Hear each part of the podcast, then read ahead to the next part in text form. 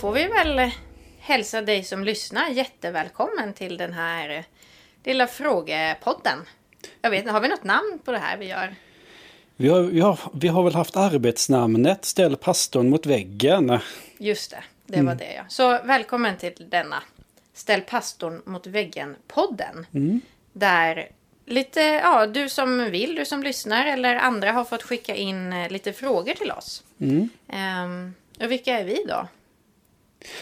Ja, Mattias Levander, ungdomspastor här i församlingen. Och jag sitter ju här tillsammans med ett lite mer välkänt eh, ansikte. Ja, röst kanske då. Ja. men Johanna Fredriksson, pastor och föreståndare här i Equmeniakyrkan i Ingarp. Mm. Ehm, ja, eh, innan vi fortsätter, vi kanske ska be en bön, skulle kännas gott. Vi Mm. samlar ihop oss lite. Du där hemma får gärna vara med och be med oss. Herre, där två eller tre samlas i ditt namn så är du mitt ibland oss. Och även om vi inte eh, är så många som möts i samma rum just nu så vet vi att du är mitt ibland oss när vi möts i ditt namn. Vi ber att du ska välsigna oss den här stunden som vi får dela tillsammans. Eh, ber att du ska leda vårt samtal. Eh, tack att du har varit med i, i förberedelser innan med alla som har skickat in frågor och de tankar som det har väckt. Och vi ber att det här ska få bli en, en meningsfull stund för mig och Mattias och för alla som lyssnar på det här. När de än lyssnar. Välsigna oss i ditt namn. Jesus. Amen.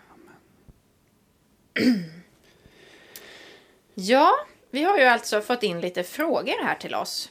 Som eh, olika personer har skickat in på frågelådan på hemsidan. Eller på sms eller messenger till oss. Och det är ju väldigt så här, högt och lågt. Både lite personligt och, och ganska djupa teologiska frågor. Så vi, vi får se hur det här ska gå. Jag är lite nervös men jag har ju Mattias här och lutar mig mot. Åh du milda, det, det kommer inte gå bra. jo, det kommer gå jättebra. Jesus är med oss också. Ja, precis.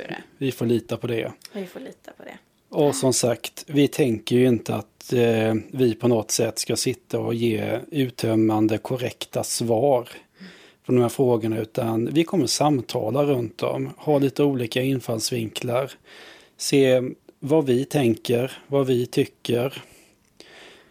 Och sen förhoppningsvis stannar det inte vid det, utan att vi kanske kan skicka bollen eh, vidare till er som lyssnar, att ni också kan känna att ni får lite grund att fundera och arbeta vidare med de här frågorna ni också.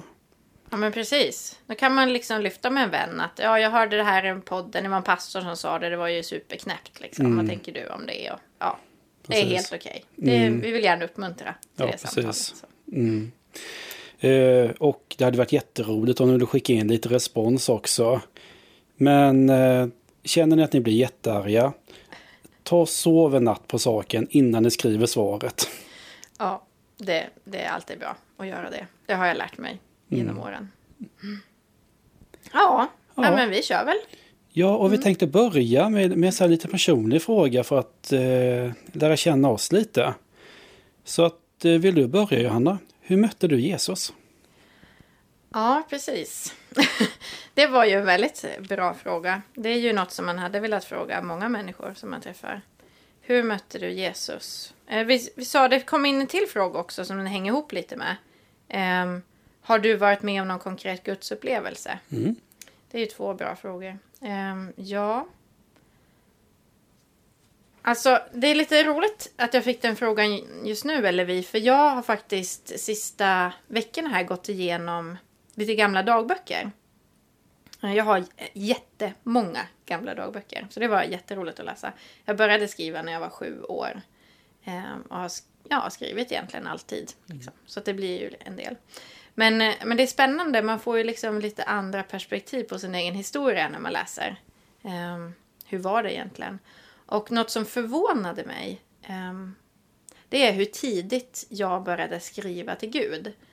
Egentligen så är de flesta av mina texter som jag har skrivit adresserade till Gud. Jag avslutar ofta dagboksinlägg med ja, men en fråga, en reflektion till Gud eller en bön kanske. Och det har jag gjort ganska länge. Um, och, och, jag märkte när jag läste att det var tidigare än vad jag trodde att det var. Um, för i min liksom berättelse när folk brukar fråga så säger jag att det är ja, men, egentligen första året på gymnasiet som jag alltså, kom till tro eller liksom avgjorde mig eller blev frälst. Alltså vilket ord man nu vill använda. man bestämde mig för, för att vara en kristen och tro på Jesus. Men jag ser ju i mina dagböcker att det var ju om egentligen slutet på mellanstadiet, början på högstadiet sådär som jag började liksom mina samtal med, med Gud. Och på något sätt förutsatte att han lyssnade på mig. Um, så jag... Ja, för min del så det är väl där då kanske. Alltså mellanstadiet någon gång då kanske. Början på högstadiet som jag eh, började liksom söka mer aktivt då. Eh, och första året på gymnasiet som det blev tydligare att jag kom med i en församling. Jag, eh, ja, men jag döptes första året på gymnasiet och konfirmerades och eh, ja, gjorde liksom ett tydliga kanske beslut och erfarenheter. Till exempel så åkte vi i samband med konfirmationen på gymnasiet så åkte jag till Tessé i Frankrike. Eh, och det var ett väldigt starkt möte både med Gud och med, eh, med den världsvida kyrkan som jobbade med mig oerhört när man kände att ja, man var en del i någonting som var så mycket större än mig själv. Eh, och jag var också i tystnad några dagar under den veckan. Och det gjorde också eh, djupt intryck på mig. Eh, där jag kände att jag ja, men fick liksom landa in med Gud och min tro. Ja. Så ja. Jag, jag har liksom, det är ju en, en resa egentligen. Jag har inget sådär exakt då liksom mötte jag Jesus och blev kristen. Utan men det har växt fram. Um, ja, flummar jag iväg lite. Mm. Du Mattias då? Hur mötte du Jesus? Kan man kan man ställa frågan så? Absolut, men får jag bara ställa en liten följdfråga? Självklart. För att eh, som sagt, det verkar som att det var en process som mm. pågick under väldigt lång tid. Mm. Så, men ändå att eh, du kom till någon form av avgörande där slutet av högstadiet, början, början av gymnasiet. Mm. Fanns det någonting konkret som du kan se att ja, men det var det här som gjorde att jag till sist fattade beslutet? Eller var det bara att det, det var dags nu? Mm. Ja, alltså jag tror att... Eh, alltså in, inte... Ja, hur ska man säga? Alltså om man säger första året på gymnasiet var, var helt avgörande. Men det var många saker under det året. Så på ett sätt är det ju en punkt i min livslinje, det är det året. Men jag kan inte säga att det är liksom en punkt, alltså ett ögonblick. Utan det var ju liksom samtalen vi hade i konfirmationen det året. Ja men den resan, mitt dop, konfirmationen. Jag var på ett nyårsläger. Eh, livskraft som EFS hade. Och det var också jätteviktigt. De kvällssamlingarna som var då. Med tillfälle att gå till förbön. Eh, ja. Ja men det, det var liksom flera olika tillfällen under det året. Men jag kan inte säga att ett av dem var liksom det viktigaste. Mm. Men det året egentligen då. Mm.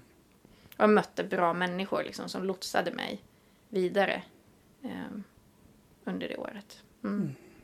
Så att gemenskap skulle jag säga också är en avgörande faktor. Att jag träffade på rätt personer. Eh, som alla liksom blev väldigt viktiga. Mm. Var det ett svar? Ja, det tycker jag. Mm. ja. Verkligen. Eh, och om du hade en process under lång tid. Så där, där det växte fram så är, så är jag faktiskt lite åt andra hållet. Mm -hmm. För Spännande. nu vet jag inte hur övertygad ateist man kan vara när man går på låg och mellanstadiet. Men i den mån man var det så var jag det. Okay. Mm. Jag minns att jag vid något tillfälle kallade Jesus för flummig hippie som jag inte riktigt begriper varför man skulle ta på allvar och sådana saker. Eh, så att det var liksom eh, det där med Gud och den biten. Det fanns inte i min tankevärld överhuvudtaget. Det var dessutom väldigt tråkigt att gå i kyrkan. Men sen så kom jag upp på högstadiet. Eh, och då slumpade det sig så att de flesta av de kompisarna jag hade var kristna och aktiva i kyrkan. Och de började dra, ner, dra med mig dels på eh, kristna skolgruppen, vi är, som sagt, jag, födde, jag växte upp eh, utanför Vetlanda, vi är bibelbältet. Så att det var inget konstigt att man gick iväg på lektionstid och hade bönemöten. Men så vet jag inte riktigt om det är nu faktiskt. Jag har inte Mm. förstått att det funkar så på Ja. prästningsskolan. Men du kanske kan lansera det lite? Eh, det- Ja, Ja. det kan vara värt ett försök, men jag undrar om det var så eh, öppet som det var på den tiden för att eh, dra iväg och ha bönesamlingar under pågående lektionstid. Eller liksom ha, ha, ha sångstunder inför hela skolan med kristna sånger. Det var, det, så gjorde man bara, det var helt naturligt. Och här såg jag då en möjlighet att faktiskt eh, skippa lite lektionstid, så jag bara haka på där. Och till råga på allt så hade vi tonår på fredagskvällarna. Där man gjorde roliga saker som var helt gratis. Så att eh, det, det var min väg in i kyrkan. Det, var, det handlade om att skolka från lektioner och få, och, få- och få bowla och köra go-kart. ja, det funkade ju då. Ja, för det här, nu är vi eh, i, i början av sjuan. Och det var ändå andakter. Man mötte Guds ord, man var med vid bönemöten. Och jag kan inte säga att det var, en- att det var någonting så här direkt jättemycket som växte fram, men att man var ändå delaktig i något. Och för mig så blev det konkret när jag på sommar, sommarlovet året efter var på Bödalägret. Denna fantastiska ställe. För där, i den gemenskapen, i, eh, i de bönesamlingarna så var det liksom som att polletten trillade ner och jag kunde se och verkligen erfara att ja, men det finns ju någonting mer här. Så att eh, där gick jag fram till förbön tog ju ett mer väldigt där och då blev jag kristen. Jag tog ett beslut där. Eh, och det har jag vilat i sedan dess. Mm. Häftigt. Mm. Skulle du beskriva det som en eh, alltså mer tydlig gudsupplevelse? Man tänker en annan frågan. Eller var det liksom mer ditt eget beslut? Eller upplevde du Gud väldigt starkt då också? Jag minns att jag eh, kom ut från den här bönesamlingen och såg på tillvaron med nya ögon. Så att ja, jag skulle säga att det var ett väldigt eh, starkt gudsmöte. Mm. Ett omvälvande gudsmöte faktiskt. Ja, häftigt. Ja, för det, och det är ju...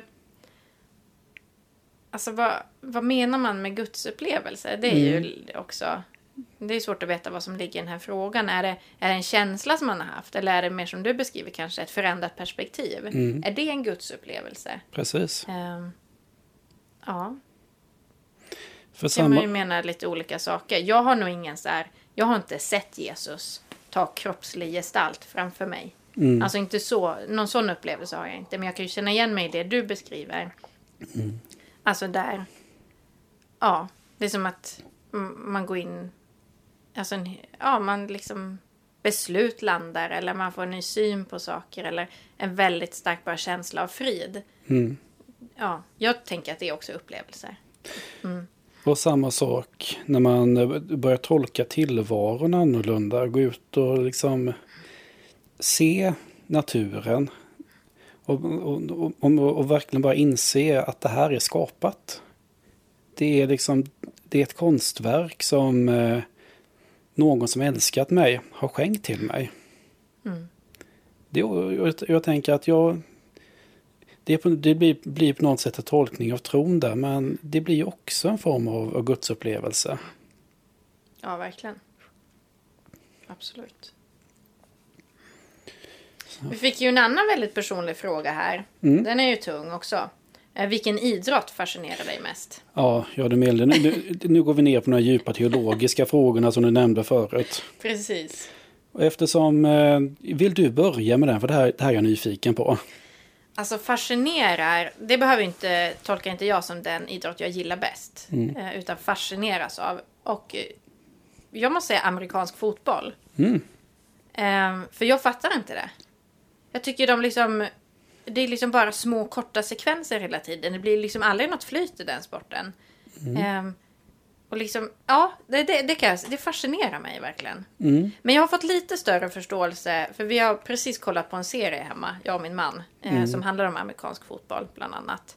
Och då tyckte jag att jag liksom glimtade lite vad det här handlade om. Mm. Men det gjorde mig mer fascinerad. Och liksom lite, ja men det här kanske är lite kul faktiskt. Mm. Innan har jag bara tyckt att det var knäppt. Men ja, så där finns en definitiv fascination. Mm. Du då? Eh, två, eh, två svar på den frågan. För jag är väldigt fascinerad av vanlig fotboll, men som fenomen. Inte bara spelet, utan eh, hela samhällsfenomenet. Att, och kanske framför allt alla dessa pengar som rör sig i den här sporten. Det är inget konstigt att betala, att eh, betala 2,3 miljarder för att Neymar ska spela i PSG. Det är inget konstigt att betala ut hundratals miljoner kronor till fotbollsspelare för att de ska spela fotboll. Alltså Och- gillar du fotboll? Ja, och, och det har väl med saken att göra. Ja. Jag tycker också att det är roligt att titta på det. Annars hade, hade vi inte varit på samma sätt. Men eh, just det här, det, när, man, när man har den ingången, man kollar på en match, man tycker det är roligt och sen så ser hela spelet bakom. Med eh, bara de här kontrakten som skrivs. Jag menar, det, är idrottsmän vå- våra sista livegna? För att det är... Ja. Alltså det, Mm, det, är, intressant. ja, men det är en väldigt spännande värld. Och det här hur eh, olika skurkstater och diktaturer kan använda fotbollslag för att whitewasha sitt varumärke. Det är, ja, det där kan jag inget om. Men jag hör att man kan gå igång på det. Då. man, man, man kan gå igång Mm. på det. Eh, ett poddtips där. Leta upp eh, saker och ting med Erik Niva. Han kan sitta tre, fyra timmar i sträck och prata om, eh, om, om sådana här saker. Oerhört Okej. spännande. Det är inget för mig tror jag. Men det finns ju garanterat folk som lyssnar som eh, vet vem detta är kanske. Och Ja. eh, fascineras också. Jag tror det. Jag tror Mm. det. Ja. Ja men bra, då har vi tagit en, en riktigt djuplodande fråga här. Ja, Ska vi ta en annan? Ja, och jag tänker att det kan vara lämpligt att eh, börja från början. Shoot. Med, eh, vi har nämligen fått in en fråga här om skapelseberättelsen. Eh, där frågeställaren undrar lite om eh, hur skapelseberättelsen i Bibeln är jämfört med psykisk, aboriginsk, eh, asatro och eh, samisk tro. Man jämför de här eh, skapelsemyterna lite. Mm. Ja, så vi, vi betonade ju i inledningen här att vi inte sitter här som experter. Och det får jag ehm, eh, eh, återkomma till här. Jag har, har väldigt dålig koll känner jag på detta. Sikisk, aboriginsk, eh, samerna, det, jag, känner- jag vet inte, jag har Nej. väldigt dålig koll. Eh, Asagudarna kanske ett hum från klass 4 ungefär. Men, eh, men det man har förstått är ju att det finns i alla fall likheter mellan Mm. skapelseberättelser på, från väldigt olika håll Mm. i, i världen. Och det kan man ju fascineras av. Det är Eller- ju superspännande. Eller hur? Eller Eh. hur? Och bara liksom ur mitt huvud nu så tänker jag att det måste ha med att det är så... Eh, det ligger någonstans i oss på något sätt. Det har ju med vårt ursprung att göra. Och vi hänger ihop som mänsklighet. Och, och det är som ett sorts kollektivt medvetande Mm. som aktiveras i de här berättelserna. Ehm, ja, sen kan jag, jag kan inte sitta här och jämföra likheter och olikheter. För det, det är inte jag, det har inte jag koll på helt Mm. enkelt. Men, ehm, men jag tycker in, på så vis inte att det är så konstigt Nej. om det skulle finnas likheter. Ehm, och inte konstigt om det finns olikheter heller. Såklart. Det är ju helt olika kulturer, sammanhang och natur. Liksom. Ja, så... Ja. Ja, när den här frågan kom in så satte jag mig och googlade lite så att eh, ja, jag betraktar mig som något av en expert på de här religionerna. Perfekt. Mm. Och, och det är väl som du säger här att, att det var spännande att se liksom eh, hur det ändå fanns beröringspunkter. Det kändes lite ofta som att eh, det, de lirade lite med varandra. Det fanns eh, någon form av gemensamt ursprung. Bland annat den aboriginska så, eh, så, så tror man ju där att förfäderna i någonting man kallar för ett drömtillstånd, har jag för mig att de kallar det, sjöng fram skapelsen.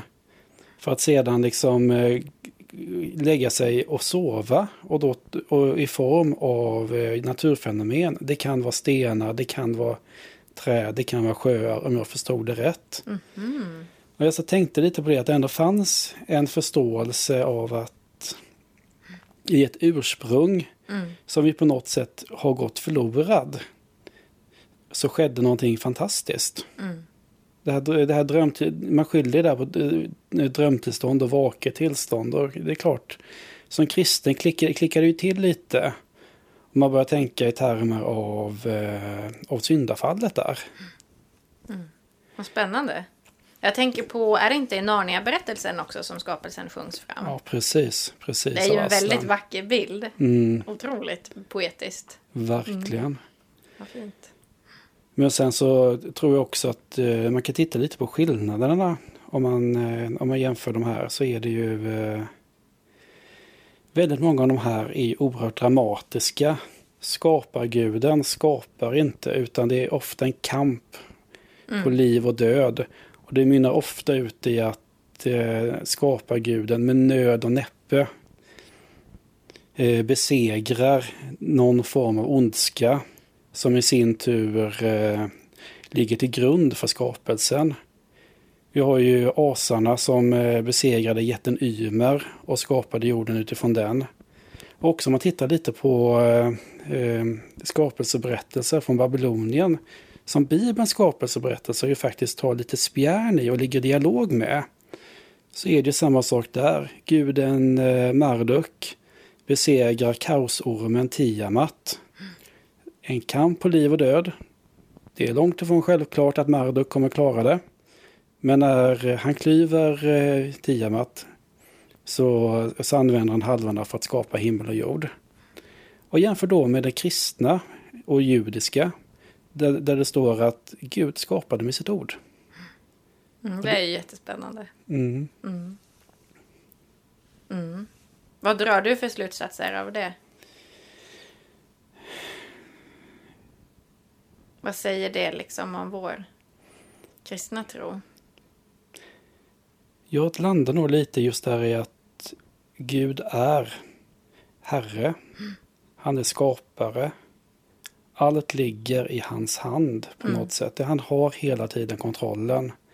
Det är lugnt, det är harmoniskt, det är ordning, det är re och reda när han skapar. Och det räcker med att han uttalar ordet för att det ska bli till. Ja, men precis. Gud är verkligen allsmäktig. Det är, han har ingen liksom annan part, utan det, det onda är så underordnat. Det är Precis. liksom besegrat en gång för alla på något sätt. Att det, ja. Ja, det är spännande. Precis. Sen kanske det inte alltid är så vi upplever det i, liksom, i den här brustna världen, att det är så. Mm. Men vi kan ju se att det finns en oerhörd kraft i, i mörkret också, som nästan liksom förlamar oss ibland. Mm. Men, eh, men vad gör den vissheten med oss då? Att det ändå ytterst ligger i Guds hand, att han liksom Ja, han har makten. Alltså jag tror det, det kan påverka oss ganska djupt om vi hittar vilan i det då. Men precis, det är ju oerhört hoppfullt. Verkligen. Just att Gud, Gud har ingen motpart egentligen utan ytterst sett så har han kontroll. Ja, spännande. Mm. Ska vi nöja oss där med den frågan kanske? Ja, jag tänker det. Ehm, Och du som är intresserad, googla. Det finns mycket spännande att hämta säkert. Mm. Eh, Vi har ju fått en, eh, en spännande fråga här som, eller alla frågor är spännande, men den här är ju, kan man ju prata om hur länge som helst verkligen. Eh, frågan är, i Gamla Testamentet finns det många lite underliga bibeltexter. Men en som ni gärna kan få förklara är vad ni tror menas med fjärde Mosebok kapitel 30. Ehm, och vi sa så när vi tittade på de här frågorna lite innan att vi kanske ändå inte går in jättemycket i just den här eh, bibeltexten. Eh, Det handlar om, om löften och hur man ska förhålla sig om man har gett ett löfte om man är man eller kvinna eller änka eller frånskild eller ja. Mm. Det är ju liksom en av alla de här lagarna som Mm. finns väldigt detaljerat. Men vi tänkte, men vi kan väl stanna lite där i första meningen. I Gamla Testamentet finns det många lite underliga bibeltexter. Ja, precis. Så är det ju onekligen. Och hur ska man, hur ska man förhålla sig till dem? Mm. Alla de här lagarna till exempel, eller ja, men ganska hemska, våldsamma berättelser. Berättelser med liksom, som uppenbart liksom misogyna eller liksom kvinnofientliga. Alltså vad gör vi av de här bråkiga texterna? Mm. Det är ju en superbra fråga. Verkligen och väldigt spännande också. Vill du börja? Vad tycker du? alltså det går, jag, jag kan nog inte prata så här liksom väldigt allmänt eller dogmatiskt eller så här ska alla tänka. Men jag kan ju dela liksom hur jag tänker då. Mm. Um, ja, jag, jag, tänker att Gamla Testamentet måste ju läsa med liksom Kristus glasögon. Mm. Vi måste ta på oss liksom Jesus och ha honom i förgrunden när vi läser Gamla Testamentet. För det är genom, genom Guds uppenbarelse i Jesus som vi kan förstå de här texterna. Och de kan bli meningsfulla för oss. Um, och det gamla förbundet, det är ju, det är ju liksom gamla testamentet. Och det är ju superviktigt för oss. Vi tar avstamp i det. Jesus säger inte en, en bokstav i, i lagen ska förgå. Liksom. Vi kan inte ta bort det. Eh, men vi måste förstå det genom Nya Testamentet. Genom det som Gud gör där. Och och genom det så får vi väl gå i en dialog med de här texterna, mm. tänker jag. Och vi får brottas med dem, vi får... Vad väcker det här för frågor eh, i mig när jag läser det här? Och ta de frågorna på allvar. Och så samtala med varandra, samtala med Gud om det. Eh, men jag tror inte att vi läser det här som lagtexter Nej. som gäller för oss på det sättet. Eh, och det tycker jag Paulus är ganska tydlig med. Det är mm. inte så vi ska läsa. Eh, han säger ju till exempel att de Eh, hedningarna behöver inte omskära sig, till mm. exempel. De står inte under lagen på det sättet. Men han säger ju för den skulle inte att, eh, att de inte är en del i det. Det är liksom ett nytt förbund utifrån det gamla. Mm. Eh, ja. Prata med mig Mattias. Ja, vad, vad, vad, tänker du? Liksom, jag, ja, jag söker då, lite här. Jag, tar dock, jag tänker också att vi tar avstamp i, i Jesus på något sätt att, eh, att, att, låta honom på något sätt ge, ge oss en tolkningsram till det här. Mm. Eh, och när jag läste den här frågan så eh, kom jag att tänka på eh, vad en eh, bibelvetare som heter Gerald S. Gastenberger skrev i en bok att Gamla Testamentet är inte en idétradition. Mm. Det är inte en teologi. Utan det är någonting dynamiskt som har växt fram under tid. Och det boken refererar till, till heter till och med teologierna i Gamla Testamentet, alltså flertal här. Det, vill säga, det finns inte en enhetlig linje att förhålla sig till. Och jag tänker lite att eh, Paulus skriver att ingen människa har sett Gud, men vi ser honom i Kristus. Och kan det vara lite det här som, som vi ser i Gamla Testamentet, att Gud uppenbarar sig för Abraham. Han kallar sitt folk. Och i det här så börjar eh, han på processen att, eh, att uppenbara sig och berätta vem han är. Och som sagt, det är människor han har att göra med. Och vi vet ju liksom att då blir det lite tråkigt emellanåt. Och det, kän, det känns lite som att man slängs lite mellan eh, klarsyn, vilsenhet rätt, fel. Gamla testamentet motsäger ju sig själv emellanåt. I ena sekunden säger Gud att han, eh, att han har eh, att han uppskattar brännoffren. Eh, att det är en doft som ger, gör Herren nöjd. Lite senare säger han att han avskyr dem. Så att, mm. och jag tänker lite att som kristen så undrar jag om vi inte kan se det lite som att Eh, det här är en uppenbarelse som växer fram, som bollas med, som bearbetas, där man går fel emellanåt. Jag tycker att texten som eh, eh, frågeställaren skickade in här nog är ett sådant exempel där det har blivit lite tokigt. Men som till sist, men som till sist mynnar ut i Kristus. Mm, precis. Och det här, alltså, ja, vi pratade lite innan du och jag också. Det finns ju... Alltså liksom i gamla judiska texter, då är det ju så man förhåller sig till mm. mycket i gamla testamentet. Att mm. Det är liksom verkligen ett pågående samtal. Man läser dem inte som... Ja, man ska bara liksom läsa och vara tyst. Liksom, mm. Utan det är i dialog med oss. Och mm.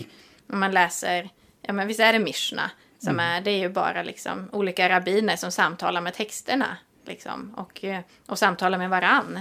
Ehm, och det är ett jättespännande sätt tycker jag att se på Bibeln överhuvudtaget. Det är, när vi läser, det är inte död text, det är inte liksom Svea rikes lag, utan det är ju ett levande Guds ord som gör någonting med oss, som har gjort någonting med människorna i texterna. Eh, och det är ett samtal liksom, som vi får träda in i och vara en del av. Och för mig blir det mycket mer intressant. Så visst, det här är jätteunderliga bibeltexter, men men då får vi ta vara på det. Mm. Vad är det du tycker är underligt? Vad väcker det för frågor? Eh, lyft dem. Prata mm. med Gud om det. Prata med andra om det. Då blir det levande Guds ord. Mm. Eh, ja, och jag tänker det här liksom sättet att, att, att se på Bibeln, ja men det är bara läsa och följa. Det är ett väldigt sent sätt att tänka mm. kring de här texterna. Då är vi liksom nästan in på 1800-talet eller så, liksom det vi kallar för fundamentalism. Att, eh, och och som jag ser det är det också ganska naivt att tro att vi bara kan läsa eh, och förstå. Alltså allting filtreras ju genom mig, mina erfarenheter, mina förkunskaper. Det jag läser kommer säga mig någonting annat än vad det kommer säga Mattias. Därför är det liksom inte så enkelt. Vi måste samtala med varandra och med Gud och då kan liksom det här uppenbara sig. Mm. Vad som ligger i det. Um, ja, det blir ju lite flummigt men för mig blir det mycket mer intressant också. Mm. Um, och jag tror att Gud hjälper oss med det här. Mm. Vi har ju helig ande med oss när vi läser Bibeln, det är min övertygelse. Och, eh, och då behöver vi inte vara rädda heller för de här svåra texterna. I samtalet med varandra och Gud så leder anden oss till mm. en förståelse. Precis. Och då att man känner att det är okej okay att ställa frågor, mm. att ifrågasätta. Bibeln behöver, bara för att Bibeln är Guds ord så behöver den liksom inte varenda bokstav som står där vara normativ. Nej, precis. Utan att... Eh, Men det går inte heller att liksom bara lägga bort. Nej. Det tror jag inte. Vi, det här är ju...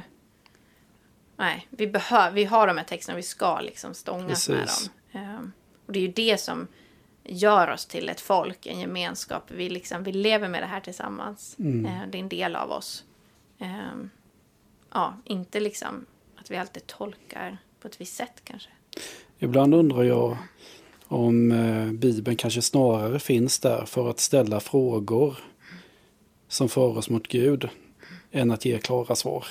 Mm. Mm. Bara en fundering. Mm. Ta det för det. Mm. Ibland är det så det känns i alla fall. Mm. Som att när man läser en text, det enda jag får här är frågor, jag får inga svar. Nej. Men mm. ofta tycker jag, när man predikar mycket, att i det där som väcker frågor hos mig finns ju ofta det intressanta. Mm. Det är ju mm. där jag ska borra vidare. Precis. Om texten bara liksom lägger upp sig och man vet på förhand ungefär vad det handlar om. Det, det, det gör ju ingenting med mig. Det leder Nej, ju inte precis. till växt. Men där det, där det blir bråkigt och svårt. Det kan ju också bli till störst välsignelse. Men precis. Så jag tror liksom den ignatianska skolan säger ju ofta att när man har bibelmeditation eller jobbar med en text, stanna kvar så länge det ger smak. Mm. Och ger smak behöver inte vara att det är gott. det kan ju vara att det är stickigt och, och beskt och liksom, ja men stanna där då, vad, gräv i det liksom, vad spännande, mm. vad, vad händer i dig i den här texten? Mm. mm. Precis. Vi kommer ju lite osökt in på nästa fråga tycker jag.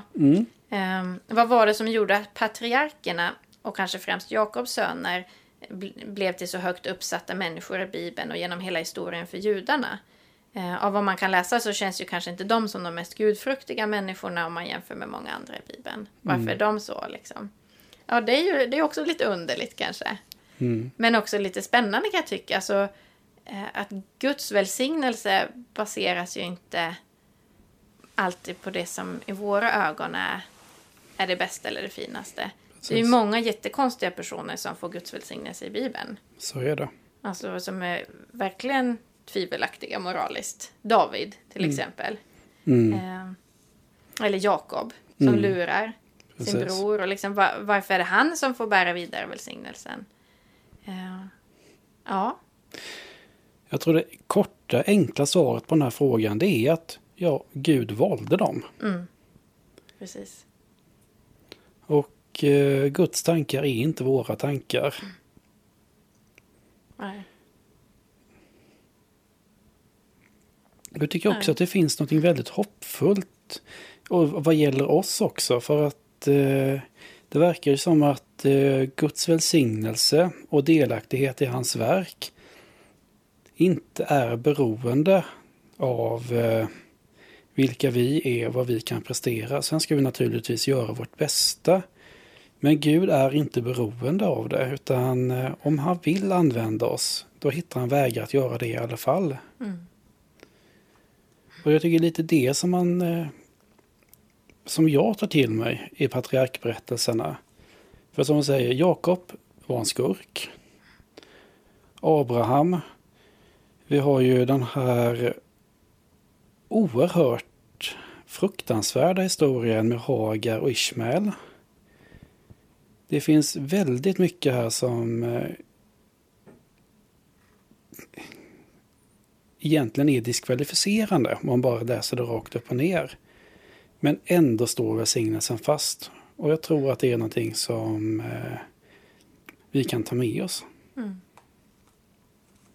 Ja, men och, och, och så, så måste det vara på något sätt. Alltså Mm. vi får ju vara, vi får ju vara Kristi kropp till exempel. Mm. Alltså vi kan inte ens ta in Nej, storheten i det. nej. Och liksom, om man ser till mig och mitt liv och, och, liksom, och till kyrkan och all brustenhet som finns och det är så oerhört trasigt. Och vi får kalla oss Kristi kropp. Hur ska vi kunna förstå det? Mm. Ja, det är ju inte på, på våra meriter. Det är ju på vad Jesus har gjort. Och, det, ja. och så måste det vara samma. Jag håller med om det du säger. att Det är för att Gud har utvalt dem. Mm. Han har kallat dem. Ehm, ja, och i, och i det får man vila på något sätt. Mm. Men som visst, vi ska försöka vårt bästa. Men vi vet att vi kommer komma till korta. Mm. Alla. Precis. Precis.